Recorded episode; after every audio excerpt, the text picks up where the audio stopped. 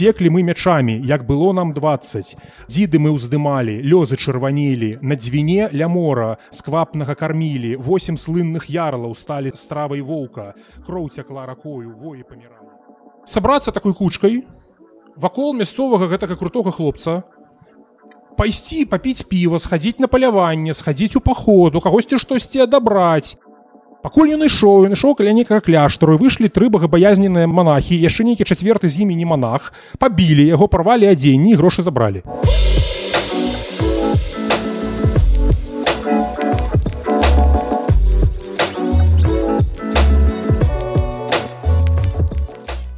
Добрый дзень шаноўнае спадарства. З вами падкаст так скалася гістарычна і я дзягельганна рада вас вітаць у лідзе і я рада прывітаць вас тых хто знайшлі час жаданне прыйсці сёння у гэты дзень у веха сашал клаб і правесці гэту гадзіну паслухаўшы наш з сергеем падкаст сённяшні.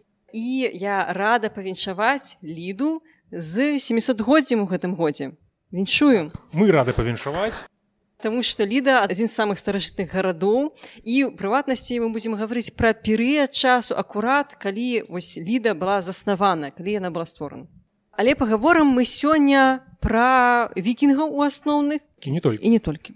Сергей Емельянаў тут вам яго прадставілі Сергей Емельянаў ужо не першы раз і нават не другі раз на маім падкасці.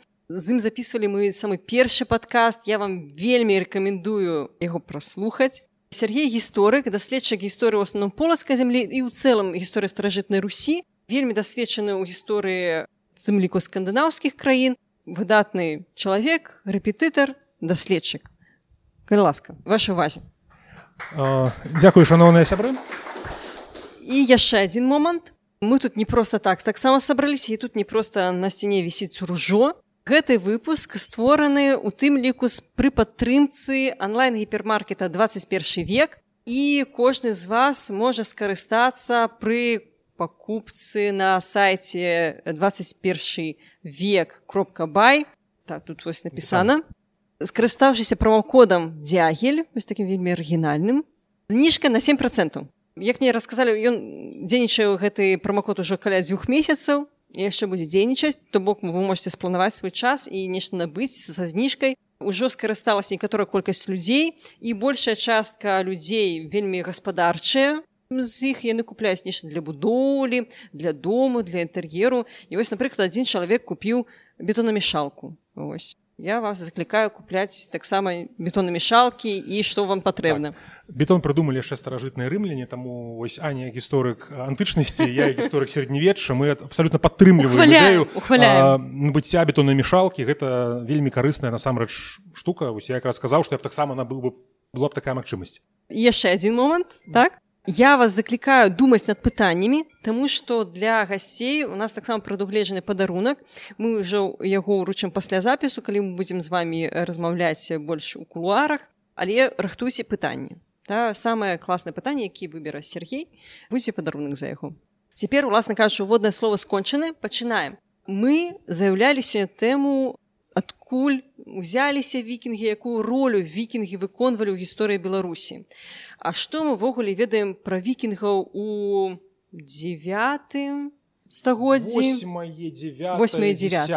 Так, так. ну, ладно. Что гэта за грамадства такое? так, гэта за грамадства? Сапраўды справа ў тым что ну калі запытацца я думаю кожнага з тут прысутных ці нават непрысутных что вы ведаеце пра вікінгаў то скажуць что гэта такія разбойнікі якія нападалі там на караблях на дракарах ішлі па моры нападалі на прыбярэжныя нейкія паселішчы рабавалі там рабавалі манастыры гарады забівалі людзей уганялі ў палоны так далей так далей так далей. Усе бачылі мабыць там нейкія фільмы ці старыя яшчэ там галівудскія фільмы ці вось сучасныя серыялы там нарвежска-канадскія падаецца ці дацка-канадскі гэта ўсё у прынцыпе праўда вікінгі сапраўды гэтым усім займаліся. Аднак гэта часткова праўда таму што займаліся яны не толькі гэтым ну і само гэта грамадства. Вось я недавно убачыў одну мапу гістарычную там аўтар прям напісаў на скандынаўскім паўвыспе вікінгі справа ў тым што вікінгі гэта ж не народ.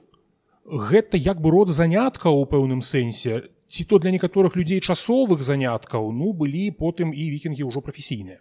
І вось па шчырасці калі мы абмяркоўвалі у нас не заганна адначасова ўзнікла дзякуючы фейсбуку одна і та ж карцінка так дзе напісана when you visit скандынавія калі ты наведваеш скандынавію там такая дзяўчынка якая фатаграфуе прыгожыя скандынаўскія ландшафты над фіёрдамі і наступная карцінка вен скандынавія візит you і там намалявана значыцца як вікінгі рабуюць манастыр то бок калі скандынавія прыходзіць у госці да цябе у пэўным сэнсе так яно ну у пэўны час было. Але дзве акалічнасці па-першае якую я сказаў што не толькі гэтым займаліся вікінгі а па-другое гэта важна. Вось гэтым займаліся не толькі вікінгі і тое што мы кажам эпоха вікінгаў для Еўропы ну якая там закранула 8 9 10 пачатак 11 стагоддзя такія эпохі вікінгаў у розныя часы і ў розных рэгіёнах свету здараліся ну з зайздроснай рэгулярнасцю. І нас з вами як беларусаў канешне будзе цікавіць па-першае вось гэта уласна сам гэты вікінг ціт першая эпоха вікінгаў бо яна звязана з працэсам стварэння наших першых дзяржаваў перш за ўсё полацкай зямлі яна вельмі моцна звязана з гандлёвым шляхам шляхам вялікім волжскім шляхам за шляхам зварагу грэйкі так з шляхам які зараз вось паступова вывучаюць ну, пра яго казалі що савецкія навукоўцы які умоўна называлі шлях з немец у хазары які ішоў па поўдні сучаснай беларусі праз напрыклад там заходні праз прыпяць праз бух таксама на дняпро і далі там на ўсход. То бок вось горад Кіяў які быў ну, у старажытнай русі як бы галоўным лічыўся цэнтрам ён стаяў як бы на скрыжаванні гэтых двух шляхоў з вараху грэкі гэта поўнач поўдзень і вось умоўна карочы з немец у хазары па аналогіі гэта захад усход сапраўды гэта так аднак давайте не будемм забывацца мы з вами зараз у лідзе ліда ўпершыню прыгадана тысяча 323 год гэта ўжо 14 стагоддзя гэта ўжо вялікае княства літоўскае. І вось перыяд стварэння вялікага княства літоўскага ў 13 стагоддзі это таксама эпоха вікінгаў. І я думаю што мы закранем.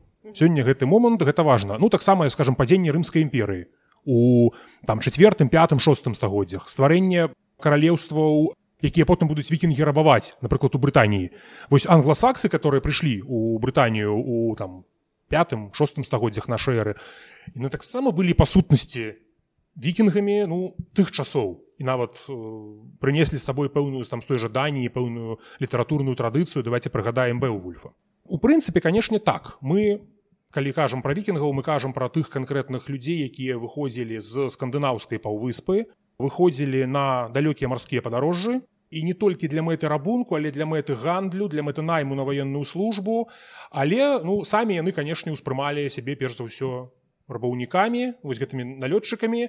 І у тым ліку вось на наших не только на тэрыторыі беларусі але прыблізна ў нашым рэгіёне на тэрыторыі сучаснай латвіі напрыклад ваяваў знакаміты рагнар лотбрак про якога вось думніку знята кіно і ёсць паэма прысвечаная рагнару. Позняя паэма ўжо там 12 13 недзестагоддзяў крумкачынае слова кракумол вось я хочу працытаваць гэты фрагмент. Дарэчы у перакладзе полацкага нашага цудоўнага перакладчыка евгена папакуля Магчыма таксама калісьці вось варта будзе яго запрасіць чалавека які зрабіў пераклады на беларускую мову эддоў і працягвае рабіць пераклады і будуць выходзіць яшчэ кніжкі ў ягоным перакладзе. Так што мы зараз па-беларуску маем цудоўныя версіі стараскандынаўскіх асноўных паэтычных тэкстаў. Вось маленькі фрагмент пра рагнара лотбрака гэта яшчэ дарэчы з невыдадзенага эта кніжка яшчэ не выйшла з гэтым тэкстам. Секлі мы мячамі як было нам 20 дзіды мы ўздымалі лёзы чырванілі на дзвіне ля мора сквапнага кармілі. Восем слынных ярлаў сталі стравай воўка. Кроў цякла ракою воі паміралі ну, гэту цытую у перакладзе. У арыгінале дарэчы думаю вы зможаце ўбачыць на запісе мы зробім слайды, карцінкі да, слайды так. можна будзе пабачыць гэта на свае вочы такім чынам вікінгі яны ўспрымалі сябе ў першую чаргу як грабаўнікоў А вось мне такое пытанне ёсць такое вельмі папулярнае меркаванне ў нашай гістарыяграфіі што яны рабавалі ў асноўным у заходняй Еўропе так? І там як бы слава ў вікінгаў нарманаў якіх называлі была менавіта як жорсткіх такіх рабаўнікоў там яны палілі гарады монастыры церквы все такое. Але такой славы у вікінгаў няма для старажытна-рускіх крыніцаў uh -huh. так? Яны фактычна не ўпамінаюцца нічога такога. Чаму там яны рабавалі а ў нас тут яны ну, так. вось, нечым іншым займаліся. займаліся так. Насамрэч у нас таксама яны рабавалі і ў іх таксама яны не толькі рабавалі і ў нас яны таксама не толькі не рабавалі. Аднак розніца ў чым? Розніца ў тым што тут ну калі казаць просто не, не было чаго асоба-ліба браць Не таму, што нашы продкі былі такія бедныя, а таму, што само па сабе наша грамадства было такім жа, як грамадства скандынаву. А, то бок яно было падобным падобным структурна. структурна так і падобным па гаспадарчых асновах то бок што бралі яны там яны уявіць сабе вось яны былі ну умоўна карчых мы кажам барбары ці варвары это вельмі важное паняцце. Мы зноў жа калі кажам про варвараў мы ўспрымаем вось таких герояў кампутарных гульняў ці як там героя шварцэнегера з фільма праконана так такія мускулістыя здаравенныя там з мечамі здаравеннымі. Не. Насамрэч варварства гэта пэўны этап ну чалавечай гісторыі. Грамадства перажываюць гэты этап. Калі яшчэ няма дзяржавы але ёсць пэўныя ну родава-пляменныя умоўна карачы структуры ёсць пэўныя людзі якія ну спрабуюць у гэтым вось такім сельскагаспадарчым грамадстве бездзяржаўным яшчэ неяк скааперавацца разам і выжыць і вось у гэтым барбарскім грамадстве акурат і ўзнікае гэты феномен далёкіх рабаўнічых і не толькі рабаўнічых паходаў.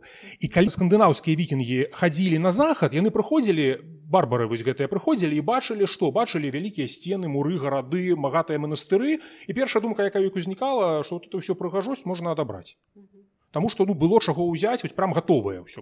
Яны прыходзілі ва ўсходнюю Европу што яны бачылі? Яны бачылі тых жа самых такіх жа самых як яны барбараў якія жылі прыблізна ў такім жа сацыяльным ладзе яны жылі прыблізна ў такім жа матэрыяльным стане. У іх не было там залатых нейкіх упрыгожванняў у іх не было багатых манастыровых і так далей. І што яны бралі тут? Яны бралі тут напрыклад скуркі звяроў. Яны бралі тут палон які можна было прадаць на рынках рабоў. Прытым яны прадавалі на рынках рабоў палон і са сваіх скандынаўскіх земляў і з нашых земляў так сказаць што яны прям прыходзілі са скандынавіі тут рабаваць людзей захопліваць не яны сябе таксама везлі я так разумею што рабы ў той час былі просто чужыя з чужога нейкага роду так, чужога роду з чужога фіёрда літаральна суседняга самы просты спосаб там дзе скажем так дзе можна ўзяць дзе не дагоніць з іншага боку калі могуць дагнаць то з такімі людзьмі лепей дамаўляцца так і тут паколькі праходзілі вось марачныя гэтыя гандлёвыя шляхі то можна было адпаведна браць ці купляць там дзе нельга забраць ці забіраць там дзе можна было забраць тыя ж самыя напрыклад футры скуркі жывёлаў то весці гэта ўсё на далёкі поўдзень праз чорнае мора у бізантыю у арабскія краіны на у персію. І там гэта цанілася як прадмета раскошы ну як не ведаю як айфон гэтымі скуркамі наколькі вядома засцілалі напрыклад ложкі багатыя людзі каб прадэманстраваць. Ну там змеце там цёпла там няма сэнсу хадзіць у футрах але паказаць што я магу. Ось. Так ну і плюс таксама яны ўключалі гэта вельмі важна вікінгі тут на ўсходзе Еўропы уключалі мясцовае насельніцтва вось гэтыя свае працэсы яны паслужылі ну кажучы словамі з хіміяй каталізатарам. Працэсаў палітычнага развіцця дзяржаваўтварэння яны былі часта скандаўскае паходжанне мелі нашы першыя князі яны ж уключалі відаць мясцовых людзей у свае дружыны так уключалі ў свае далёкія паходы мы ведаем што ў паходах тых жа там кіеўскіх князёў удзельнічалі крывічы і наўгародцы там з наўгародскія славенні каго там толькі не было што называецца і таму адпаведна як бы вось у гэты агульнаеўрапейскі працэс вы той выбух які утварыўся ў скандынавіі спачатку ён закрануў на пэўным часе ўсю ўсходнюю Европу і даў пачаткі нашай дзяржаўнасці давайте крыху вернемся назад і мы говорили про структуру грамадства барбарскага можа быть таксама яшчэ назад увогуле про барбараў крыху скажем так, так, так, так, так. барбараў ці варвараў тут... мы перакінули ўвогуле так. сувязь скандынаву з беларускай гісторыі так што яны сапраўды вельмі вялікую ролю адыгралі цяпер вернемся хто такія барбары увогуле так. як паняцце і якая была структура... что было за грамадства так. Ну па-першае само слово барбарус гэта слово якое у нас агучваюць некаторыя як барбар некаторыя як варвар. Тут пытанню тым як агучваць грэцкую в там бізантыя візантыя барбар варвар гэта, так, ну, ну, сам гэта можна і так і так. Сапраўды у розных мовах яно агучваецца по-рознаму у беларускай мове сустракаецца і так і так. Гэта слово трапляе у грэцкая барбарос яно трапляе ў лацінскую пераўтвараецца ў прыметнік барбарус ну калі мужчынскага роду барбара калі жаночага і барбарум калі сярэдняга значыцца але грэкі і рымляне по-рознаму гэта слово ацэньвалі грэкі адкуль гэта слова яго прыдумалі? Яны яго ацэньвалі як чужынец які не размаўляе на нашай мове. Грэкі лічылі сябе як бы вышэйшым народам эллінамі а тых хто размаўляюць на незразумелых мовах яны казалі вось бар-бар-бар ён толькі бармочуць як моя бабуля пра немцаў казала що егечуць вось прыблізна так грэкі казалі пра ўсіх іншых не грэкаў што яны нешта бла-бла-бла вось там такое бармочуць. Бар-бар-бар. Адсюль гэта слово барбарос ну адпаведна лацінская барбарус толькі рымляне іначай ацэньвалі ўжо гэтае паняцце яны яго супрацьпастаўлялі двум сваім паняццям якія ёсць у нас. Мы іх перанялі акурат ад рымлянаў. Гэта паняцце культура першапачаткова гэта слово азначала апрацоўка зямлі сельская гаспадарка. Там дзе ёсць ось земляроб который ходзіць за плухам там культура А там дзе жывуць у лесе нейкія людзі ў скурах а доўгі час рымляне напрыклад сваіх суседзяў германцаў так успрымалі калі пачытаць тацы то ён піша што яны там не займаюць сельскай гаспадаркай яны толькі палююць і ваююць бо тацы сустракаўся з такімі германцамі якія прыходзілі наёмнікамі ў рымскую імперыю альбо ваявалі палявалі і ваявалі. Ну, па сутнасці так яны палявалі і ваявалі пілі піва яшчэ так немалаважна. Вось. Другое слово гэта паняцце цывіліс і звязаны з ім прыметнік цывітас то бок гэта гарадоцкасць вось горад і ўсё што звязана з горадам гарадская грамада. Там дзе ёсць гарады там зноў жа адсюль паходзіць слова цывілізацыя. А там дзе гарадоў няма там барбарства. Адсюль наша сучасная вось гэта дыхатамія цывілізацыя барбарства. Аднак не магу не адзначыць у рымскага паэта знакамітага авідыя публіавідыя на зона за непрыстойныя вершы яго выслалі у на межы рымскай імперыі дунай там дзе зараз прыблізна плюс-мінус румынія. Там апошнія гады дажываў. І ён напісаў такія словы там калі можна працытую у арыгінале барбарус гік эго сум квінон і легетур юлі этриден солідзе верба ляціна гэта перакладаю барбарам сябе адчуваю якога ніхто не разумее і смяюцца са слова ў лацінскіх неразумныя геты бачыце ён як бы вярнуўся да грэцкага разумення вось гэтага паняцця і сам назваў сябе барбарам у сэнсе чужынцам которого ніхто не разумее кое таксама магло быць ну само грамадства барбарскае яно простае і складанае адначасова ёсць цудоўная праца на гэтую тэму. Гэта кніжка польскага гісторыка караля мадзалеўскага барбарская Еўропа там так і называецца. На жаль яна падаецца не перакладалася на беларускую мову на расійскую мову. І вось ёсць дарэчы працы на расійскай мове скажем знакамітага савецкага яшчэ медывіста рона гурэвічу які таксама пісаў вось прыблізна у гэты ж стэп Дык вось гэта грамадства яно з аднаго боку простае здавалася б яно складалася з аднолькавых людзей которые мелі аднолькавыя нібыта правы паўнамоцтва і так далей. З іншага боку яно насамрэч больш складанае там вельмі складаныя дзейнічаюць унутраныя механізмы там няма ўлады там няма дзяржаўнай улады там дзейнічае вельмі часта права сілы там дзейнічае права гурту. Вось калі усе сабраліся разам мадзалеўскі пра гэта піша ў польльшы это фіксуецца ў крыніцах што прям калі напрыклад сабралася веча сельская сялянская і адзін незгодны то яго трэба біць пакуль не пагадзіцца. Вельмі эфектыўная так, работа. эфектыўная... аснова грамадства гэта свабодныя людзі. Так па сутнасці... свабодныя мужчыны так разумею. У вузкім сэнсе так. Гэта свабодныя мужчыны іхныя дзеці якія яшчэ ад іх не аддзяліліся. Жанчыны знаходзіліся под так званым як казалі германцы мундам даслоўна под рукою. Гэта слова яшчэ літаральна азначае рука таксама под мундам знаходзіліся залежныя людзі. Гэта рабы гэта тыя хто трапілі ў пазыкавую кабалу. Яны ў крыніцах могуць называцца абсалютна па-рознаму залежасці зноў жа адмовы крыніцы. У наших продкаў напрыклад свабодныя людзі называліся альбо просто людзі альбо мужы. Калі вы ў крыніцы чытаеце што чалавека называюць муж то ён свабодны. калі чалавека называюць отрак то гэта сын свабоднага чалавека альбо нейкі залежны чалавек. Ёсць выпадкі калі отракамі называюць рабоў отрак літаральна азначае той каму нельга размаўляць. От рок. Рок значыцца ад рэкці казаць і от гэта адмова. Дзе нельга размаўляць? На народным сходзе. Далей жанчыны таксама под мундам мужчыны знаходзяцца і рознага кшталту рабы.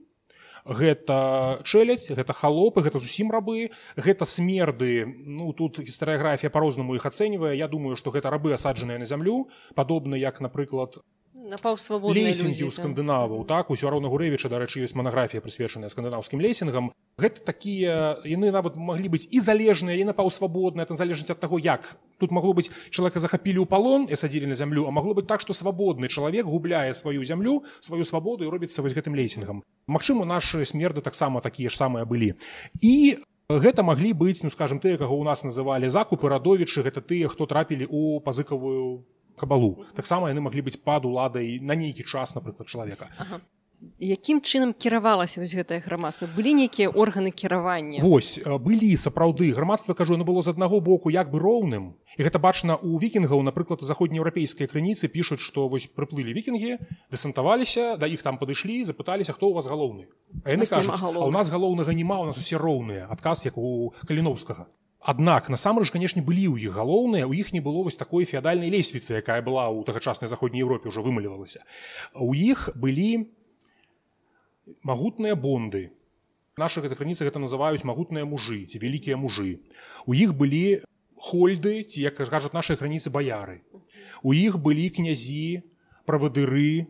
Скажем у скандынаву яны называліся напрыклад херсеры правадыры дружынаў ярлы конунгі князі уласна Вось гэта ўсё ў шырокім сэнсе слова эліта родавая эліта і паступова ў гэтай родавай эліце ўнутры яе ўзнікае такая асобная ваенная эліта вось на гэтым моманце давай может быть спынемся так, так? так вось военные правадырства а... военные правадыры гэта насамрэч важны момант для разумення пераддзяржаўнага развіцця грамадства тому что гэта апошняя ступенька да таго каб стварылася ўласна кажучы дзяржава. Гэта военные дэмакраты военные правадырства так справа ў тым што на пэўным этапе жывуць сабе людзі займаюць сельскай гаспадаркай у кожнага свой хутар у кожнага свая гаспадарка.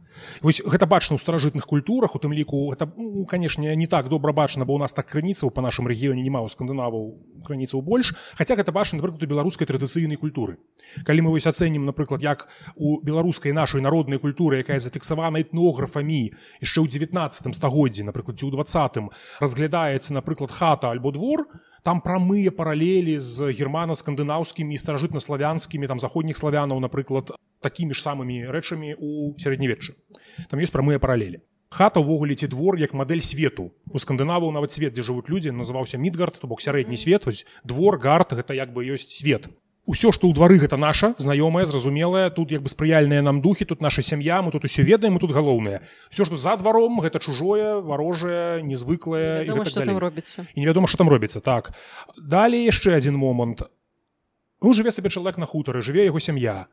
Аднак бывае так што яму патрэбны яго суседзі.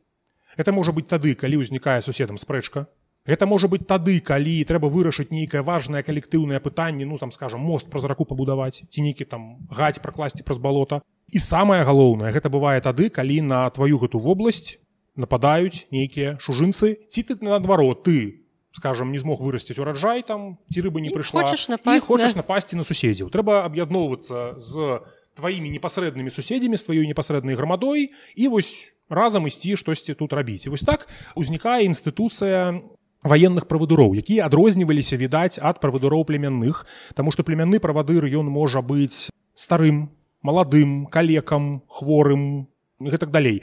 А яго становішча абумоўлена менавіта яго паходжанне так, яго паходжаннем. Тацыт про гэта пісаў што ў германцаў ёсць рэксы каралі ёсць дуксы князі.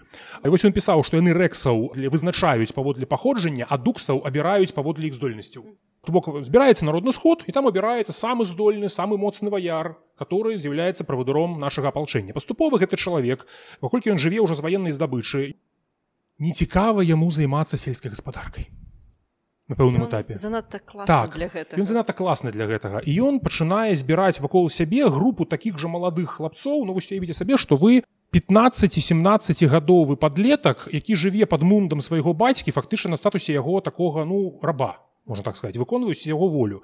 А тут можна замест таго каб працаваць хадзіць там за каровамі пайсці да мясцовага паехаць з пацанамі паехаць з пацанамі вось сабрацца такой кучкой вакол мясцовага гэтага крутога хлопца пайсці папіць піва схадзіць на паляванне схадзіць у паходу кагосьці штосьці адабраць ну у прынцыпе вось гэтую інстытуцыю якая ў старажытнасці называлася хірт альбо дружына мы яе можам убачыць і зараз у спальных раёнах калі вы увечары ідзеце і там на лавачках сядзяць такія групы маладых людзей таких у трэніках звычайна там что-нибудь такое вось едуць семкі п'юць піва і перыядычна яны могуць ну як это спяваў гурт адзін расійскі может немного палают а может кого-то заденут так? Вось насамрэч гэта вось яно і ёсць тое што называется культура гонару напрыклад. Мы так чытаючы там романы про 18 ці 19 стагоддзяць там про 17 про мушкецёраў там у дзюма якія былі людзі гонару як яны біліся на дуэлях. Дуэль мои родная гэта парушэнне закону. Дуэль гэта пацанская разборка по паняццях не по законе. Закон забараняе дуэлі за дуэлі каралі але яны ўсё роўна хадзілі гэтыя дуэлі рабілі. Таму што ёсць паняцце закон, а вот для пацана ёсць гонар. Вось паспрабуйце перанесці гэтых усіх мушкецёраў і быць гэтых прыгожых дваранаў 19 стагоддзя перанесці ў наш там ну спальны раён. Вось вы убачыце той же самы механізм. І тое ж самае можна перанесці ў эпоху вікінгаў. Там будзе той же сацыяльны механізм.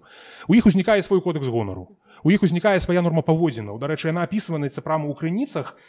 Вось я хочу працытаваць калі можна так, так можна, дзве цытаты з дзвюх розных крыніцаў. Першая цытата пра тое якім павінен быць правадыр власна гэты князь записывайте. Гэта цытата з паэмы рэкстула цытую у перакладзе евгена папакуля.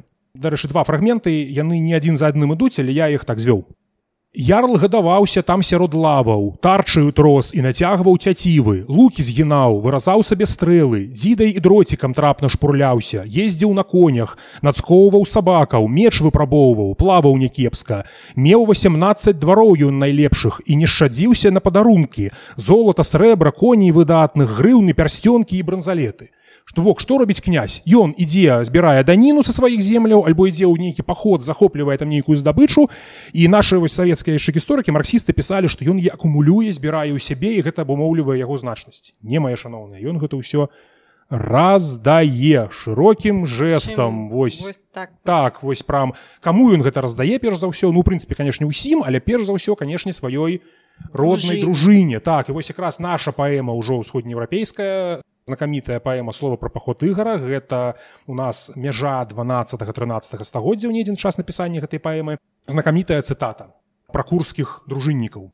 А маеце курані свядомы кметі, пад трубамі павіты, пад шыломы взлілеены, конец кап'я вскормлены, пуці ім ведамы, яруга ім і знаемы, луцы ў них напрыжэны, тулі атварэны, саблі і застрэны, самі скачуць, як і серы вылцы в полі, ішчучы сабе чці, а князю славе то бок шукаючы сабе чэсці гонару а князю славы. Вось гэта задача іх. Скакаць у як шэрыя ваўкі ў полі шукаць яму князю славы.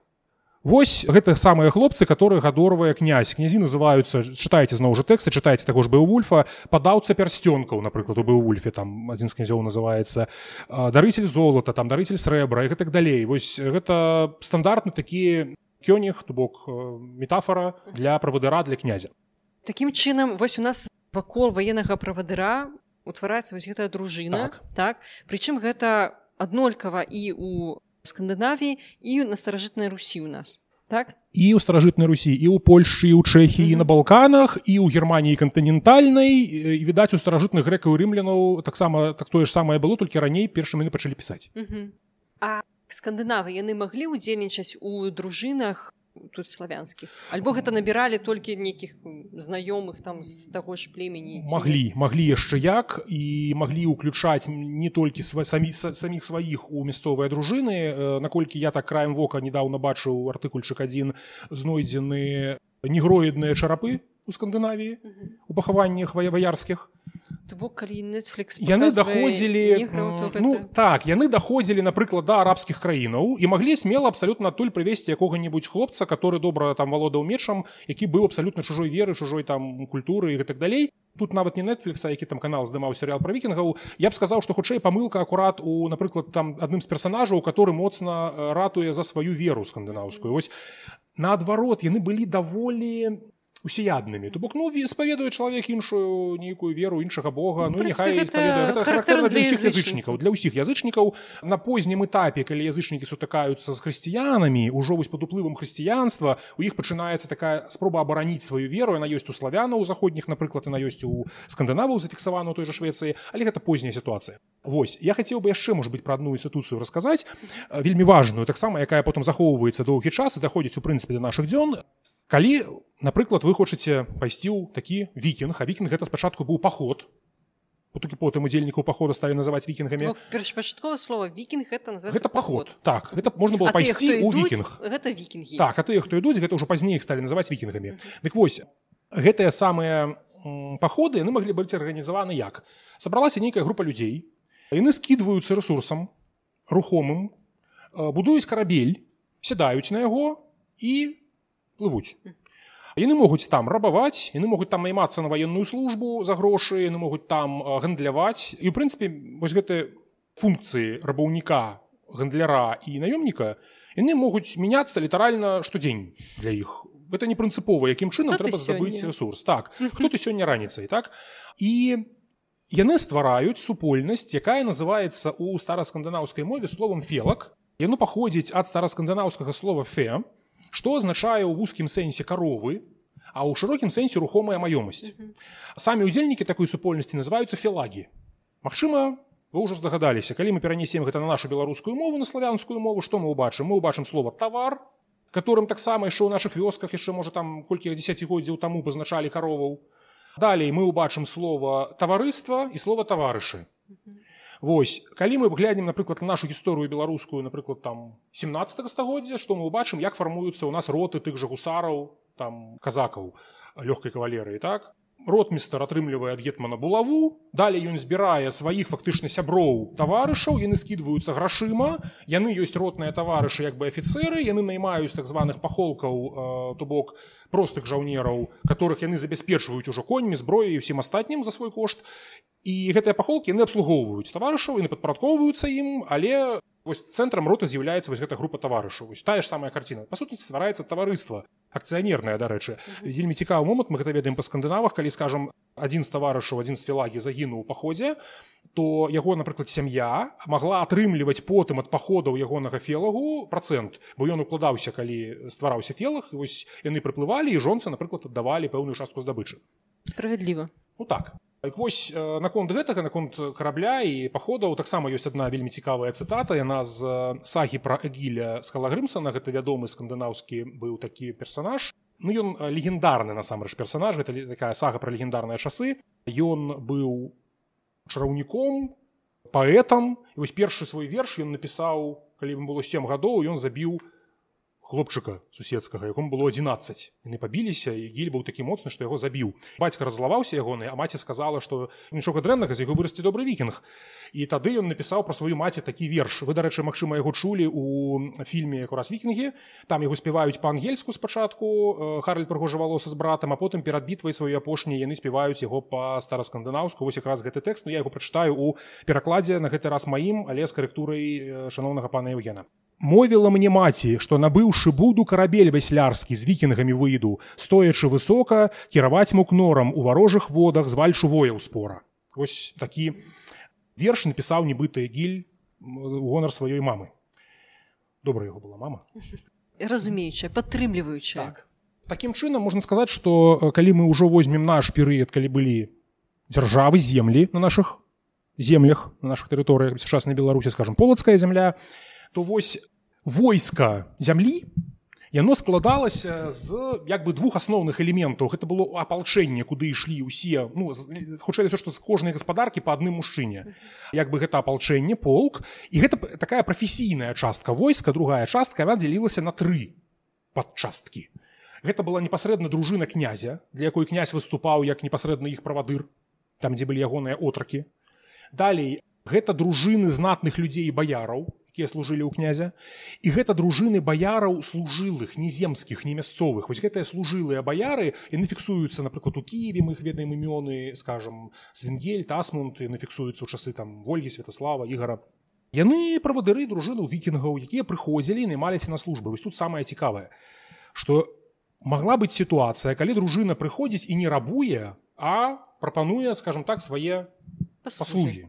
Так? І іх прымаюць іх прымаюць на службу. Вось якраз зноў жа тэкст звязаны з нашай беларускай гісторыяй. Мачыма адкрыю сакрэт. Евген па пакуль яго наколькі разумею таксама плануе перакладаць.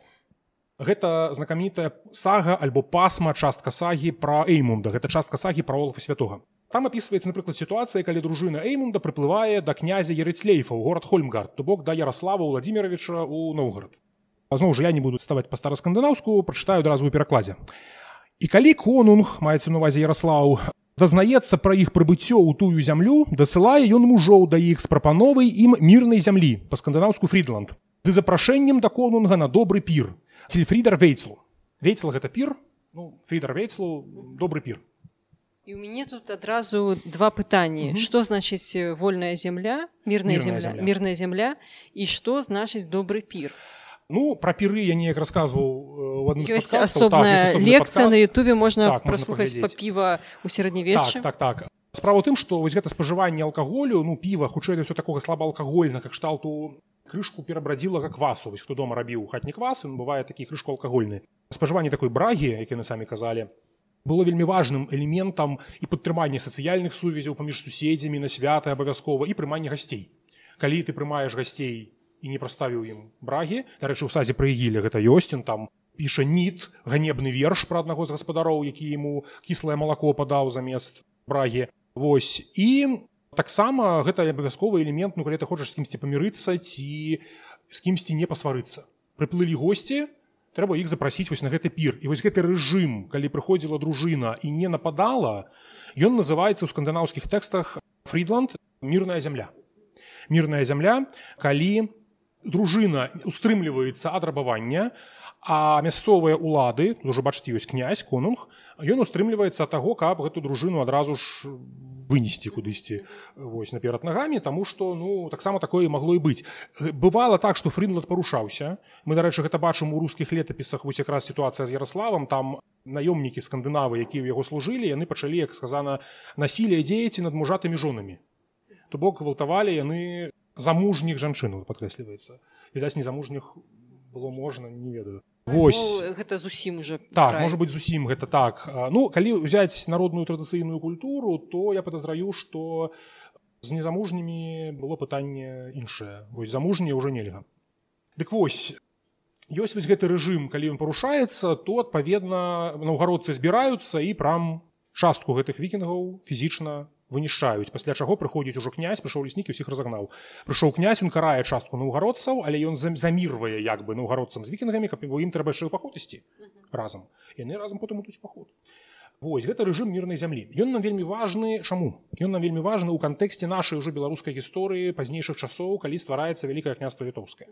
Таму што у нашай ну яшчэ скажем старой гістарыяграфіі я маю на увазе гістарыяграфію якую? Польскую старую традыцыйную літоўскую якая ўзнікла на аснове польскай савецкую якая ўзнікла таксама у многім на аснове польскай літоўскай. Прысутнічае такое ўяўленне што вось літоўцы дзейнічалі як нейкі асобны арганізм яны прям нападалі для іх усе умоўно карачы рускія землі гэта былі чужыя яны нападалі рабавалі і так далей.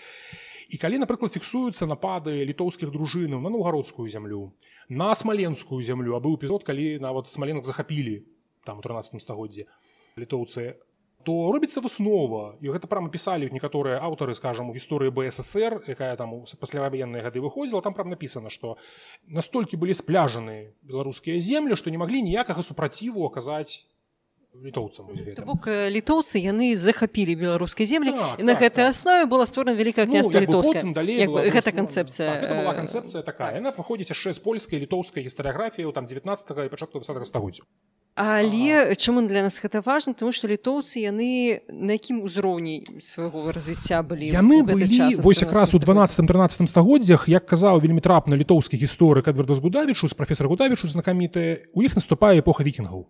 Ён сказаў вікінгізацыя літвы ён так выразіўся. Я абсалютна з гэтым згодзін толькі ён казаў што калі вікінгаў быў карабель дракару літоўцу быў конь. У іх наступае эпоха вікінгаў. Яны пачынаюць хадзіць вось гэтыя далёкія паходы. І тут зноў жа паўстае пытанне а ці заўсёды яны рабавалі Пачынаем глядзець на крыніцы. Мой самы любімы эпізод.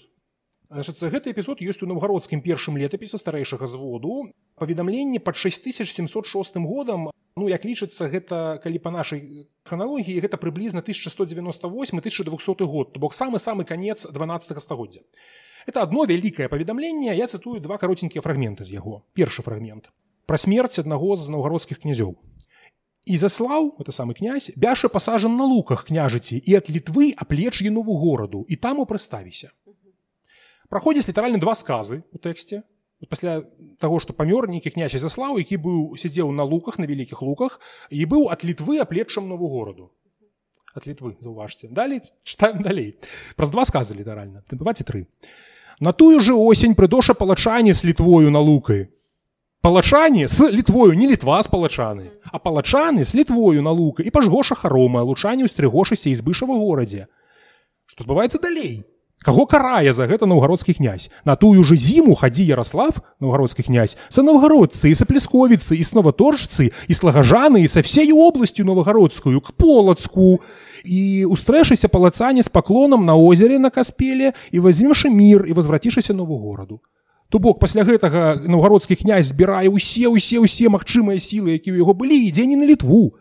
Ён ідзе на полацк палачане выходзяць яму насупраць без бітвы заключаюць мір можа там заплатілі нейкі выкуп можа частку здабычы аддалі Ну мы не ведаем гэтага тут не іх замірыліся карацей Вось не літва прыйшла з палачане палачаны а палачане прыйшлі з літвою. Як бы падтрымкай. Э, так з ваеннай падтрымкай. Тое ж самае мы бачым у нашых тэкстах вось пра ну у тэкстах старажытна-рускіх пра падзеі ў полацкай зямлі.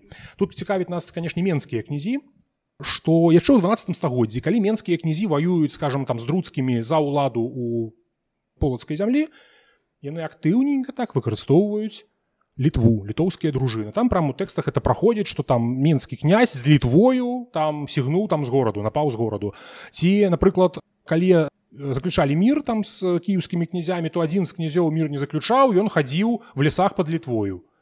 Вось літва такі бліжэйшы сусед і тут усплывае канешне тэкст з слова пра паход ігара зноў жа дзе літва намалявана як такі ну як бы вораг Там ёсць эпізод полацкі полацкі фрагмент тут пачынаецца вось акурат гэтымі словамі і там апісваецца неўдалы паход на літву аднаго з полацкіх князёў. Калі можна зноў жа падставаць. Уже бусула не цячэць срэбнымі струямі к граду пераяслаўлю і дзвіна балотам цячэць оным грозным палачанам пад лікам паганых Един же Изяслав, сын Васильков, позвони своим острому мечи, ошеломы литовские, притрепа славу деду своему Усиславу, а сам под червленными щиты, на кроваве траве, притрепан литовскими мечи, и с охотью на кров, а той рек, Дружину твою княжа птиц крылы прыадзе, а зверы кроў палізаша. Не бысь ту брата Брачыслава, ні другага усевалада. Едзін жа из рані жемчужну душу из храбра тела через злато ожерелие. Унылі галасы, паніча веселее, трубы трубяць гарадзеньскія. Я прашу прабачэння цытую з ухілам у сучасную беларускую, каб вам было больш зразумела і не хочацца ўжо спрабаваць вычытаць гэта па правільнай фанетыцы старажытна-рускай мовы. Што мы тут назіраем? Адзін з полацкіх князёў загінуў паходзе на літву. Але ўзнікае пытанне у літвіта дзяржава была у 12 стагоддзі? Былі нейкія асобныя князі з асобнымі там сваімі унутранымі пытаннямі. Калі мы ведаем што старажытна-рускія князі між сабой ваявалі скандынаўскія князі між сабой ваявалі брытанскія князі між сабой ваявалі чаму не павінны былі між сабой ваяваць літоўскія князі? І тут усплываюць два браты нашага гэтага палеглага Язяслава сына Васількава аднаго з якіх завуць усевалад Дык вось гэты самы усевалад Мачыма Мачыма не кажу што гэта так але магчыма па меркаванні некаторых гісторыкаў. Гэта той самы усевалад которого мы ведаем як князя герцыкі у пачатку 13 стагоддзя. Што мы пра яго ведаем? Мы ведаем пра яго з генрыха латвійскага з хронікі лівоніі генрыха латвійскага які піша ну зноў жа не буду ставаць па-лацінску потым убачыце цтую у перакладзе на беларускую мову Ён усевалад быў жанаты з дачкою аднаго з найбольш магутных літоўцаў. І будучы як зяць ягоны для іх амаль сваяком звязаны з імі акрамя таго яшчэ і сяброўствам часта кіраваў іхнымі войскамі аблягчаў ім пераправу праз дзвіну і забяспечваў іх харчамі ішлі б яны на русію ці лівонію ці эстонію. Потым яму рыжскі біску будзе выстаўляць гэтаму севаладу як бы закідаць яму што ты дапамагаеш каўнсіліум это уксіліум і, і, і рады і чынам зброеным дапамагаеш язычнікам літоўцам дапамагаеш ім ваяваць контратуорам літунорам хрысціянорам. Ты супраць тваіх рускіх хрысціянаў. Хаця відавочна што ну скажем калі літва ідзе на ноўгарад для полацкага князя гэта не яго рускія хрысціяне гэта чужая дзяржава. Вось тое сама пра князя полацкага ўжо вялікага полацкага князя у сэнсе які сядзеў самім полацку ну ці караля як піша генрых рэкса вальдемара. Яго ў наших падручніках часто перакладаюць як уладзіміра справа ў тым што імя вальдемар германскае імя гэта аналаг не толькі імя ўладзімир гэта аналаг яшчэ папулярнага ў наших землях імя валадар. Я думаю ўсё ж такі што звалі яго не вальдемар у сэнсе не ўладзімир а яго звалі валадар хутчэй за ўсё. Напрыклад менская княжна Софія вальдемараўна валадараўна мы ведаем па рускіх крыніцах была дацкай каралевай свой час Дык вось што піша пра гэтага самага вальдемара караля полацкага вальдемару рэгеда плюцеке што піша генрых латвійскі што ён калі збіраецца ў паход на крыжакоў на лівонію ён паслаў у русію і літву інрусціем этлітонум літоніям прабачце канвакацыі экзерцытум магнум рутынорум акве літонум склікаў войска вялікае з русінаў і літоўцаў адразу просто кароткім сказам што ён збіраючыся ў паход паслаў русію і літву і гэта як бы землі з якіх ён мог збіраць войска бок хутчэй за ўсё што мы назіралі сітуацыю дзе літоўцы знаходзяцца у такой вось у нас ёсць ужо дзяржава ну скажем так ранее сярэднявечнага такога ці высокай сярэднявечнага тыпу каралеўства ўжо нейкая ёсць там сістэмай улады з пісьмовасцю з царквой з рэлігіяй і побач жывуць яшчэ язычнікі яшчэ там з такім пераходным этапам ад родаваплеменнага ладу да раннедзяржаўнага ім патрэбна дзесьці паваяваць. І тут два варыянты. Альбо яны будуць на цябе нападаць альбо ты ім заплаціш каб яны нападалі на тваіх ворагаў. Вось палачане мяркуючы па ўсім займаліся прыблізна вось гэтым. Наступствы гэтага таксама былі. Яшчэ одна вельмі цікавая цытата. Пра віцебск ужо горад адзін адзін з гарадоў было і полацкай зямлі потым відаць будзе цэнтрам нейкім асобным ужо выдзеліўся гэта каля 1200 году гэта зноў жа вось плюс-мінус там мяжа 12 13 стагоддзяў пішуць да віцебскага князя михала скаргу ад ратманаў то бок ад кіраўнікоў райцаў гораду рыга. З нагоды чаго? Про тое што абрабавалі аднаго рыжаніна под віцебскам. Абрабавалі пры вельмі цікавых абставінах. Я калі можна працытую зноў жа ну пастаражыць на руску але з беларускім пранонсам. Был у цябе адзін дзеціна наш гаражанін а іногды не бывал у вас. Раней у вас не бываў тады раць была літовская под горадам он же хацел ураць ідці дзеўкі купіце і взял э, медь с сабою по нашай пошліне тагды ідзя путём заблудзіл к манастырэве і выскаўчыўшы тры чарнцы чацвёрты же чалавек іны с ними. Ту яго емша білі рвалі і мець вызіцялі сілаю у него так і прыгадваецца старая наша песенька ад панядзелка да панядзелка то бок нейкі немец з рыгі першы раз будучы ў віцебску пайшоў у літоўскі лагер ваенны ураць якая стаяла под горадам купіць дзевак рабыняў пакуль ён ішоў ён ішоў каля некага кляштару выйшлі тры багабаязненыя монахі яшчэ нейкі чацверты з імі не монах пабілі яго парвалі адзенні грошы забралі і вось на гэта скардзіцца ратманы рыгі віцебскаму князю каб ён разабраўся са сваімі монахамі утаймуйце вы гэтых значыцца чарніцоў.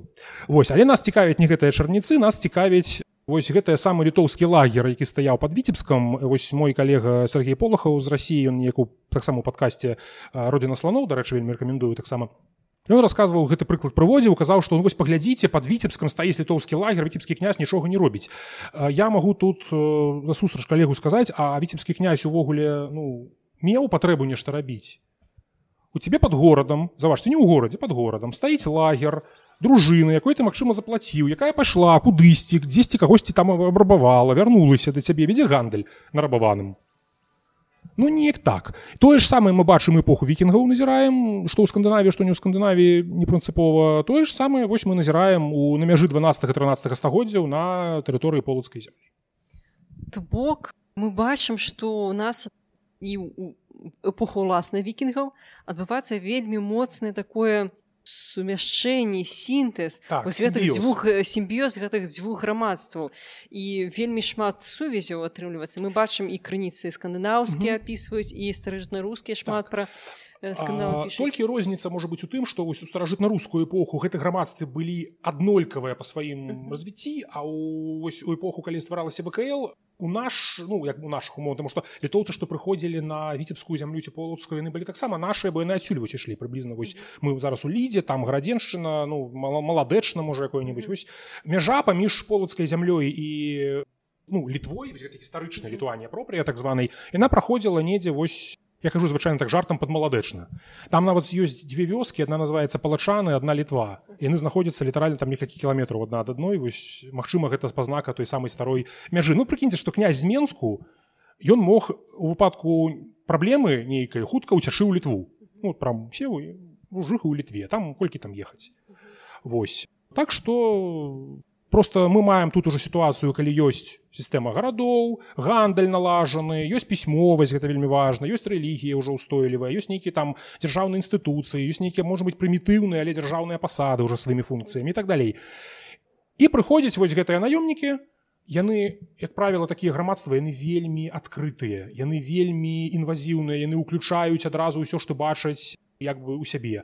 І калі мы назіраем літаральна там за 15-20 гадоў 13 стагоддзі стварэння вялікага княства літоўскага у раёне там аднаваградку да там кірнавы вільні нічога дзіўнага насамрэч у гэтым няма. Просто пытанне у тым што доўгі час гэтае грамадства літоўскія там не толькі літоўскія там продкі сучасных латышоў скажем эстонцаў яны плацілі дані на рускім князям былі скажем так ну, падданымі. А потым яны на пэўным этапе просто як бы звязваюцца з імі сімбіятуюць з імі чаму бо відаць про гэта может быть Олег иванович лепей бы расказаў дзярнович что ўтвараецца відаць пагроза крыжацкая захаду татарская з усходу. І вось акурат за вашых дзе дзе ўтвараецца цэнтр вКл Наваградак вільня кірнава ну наконт кірнавы все больш складана. У наваградку мы дакладна ведаем велізарны старажытна-рускі пласт. Пакуль не разгадана чаму так моцна гэты горад развіўся ў 13 стагоддзе чаму такія якасныя майстры там працавалі чаму такія дарагія скажем візантыйскія рэчы скажем посуд візантыйскі там знаходзіўся. І вільня у якой зараз вось літаральна апошнія гады вельмі удала ідуць раскопкі так званага рускага гораду то бок мы ведаем у вільні там жылі як бы язычнікі хрысціяне разам. Там жылі носьбіты я не хачу казаць славянаў ізраіляў Таму што людзі рускія гэта тыя хто ўжо прынялі хрысціянства.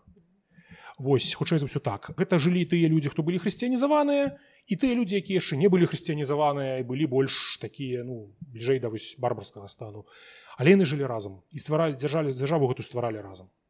Ну, вось не Дзяку вялікі. Калі падвесці вось нейкую выснову нашай размове якім чынам можна ўсё ж таки характарызаваць ролю вікінгаў і літвы якія былі эпохай вікінгаў гісторыі ага, беларус зразумела ну наконт тых вікінгаў я б сказаў самае галоўнае слово канешне каталізатар яны прыйшлі ў наш такі даволі ну, на той момант спакойны куток Еўропы дзе ніхто не хадзіў яны прамхвалі і прыйшлі падхапілі нашых і пагналі разам там по гэтым шляху, гэтым шляху грэкі так, і вось гэта і, і панеслася што называецца так жылі ўсе беспакойна тут пачалося а, гэта і галоўная можа быць была роля. А наконт літвы то я б сказаў што гэта была новая такая маладая сіла зброеная сіла якая уключыўшыся ў кантэкст ужо гатовай дзяржаўнасці просто дала яму новы імпульс.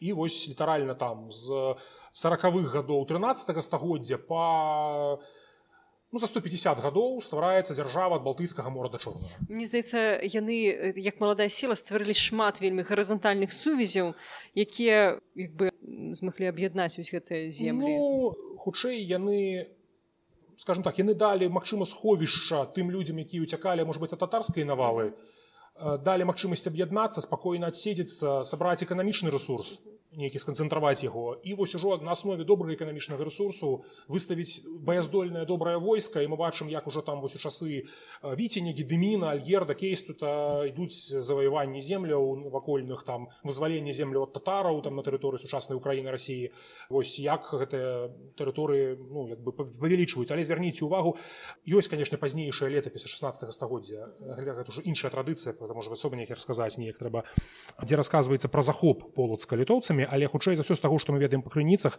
полацкая зямля ды іншыя землі вось асабліва на поўначы беларусі яны ўваходзілі ў склад вялікага княства літоўскага відаць па дамовах.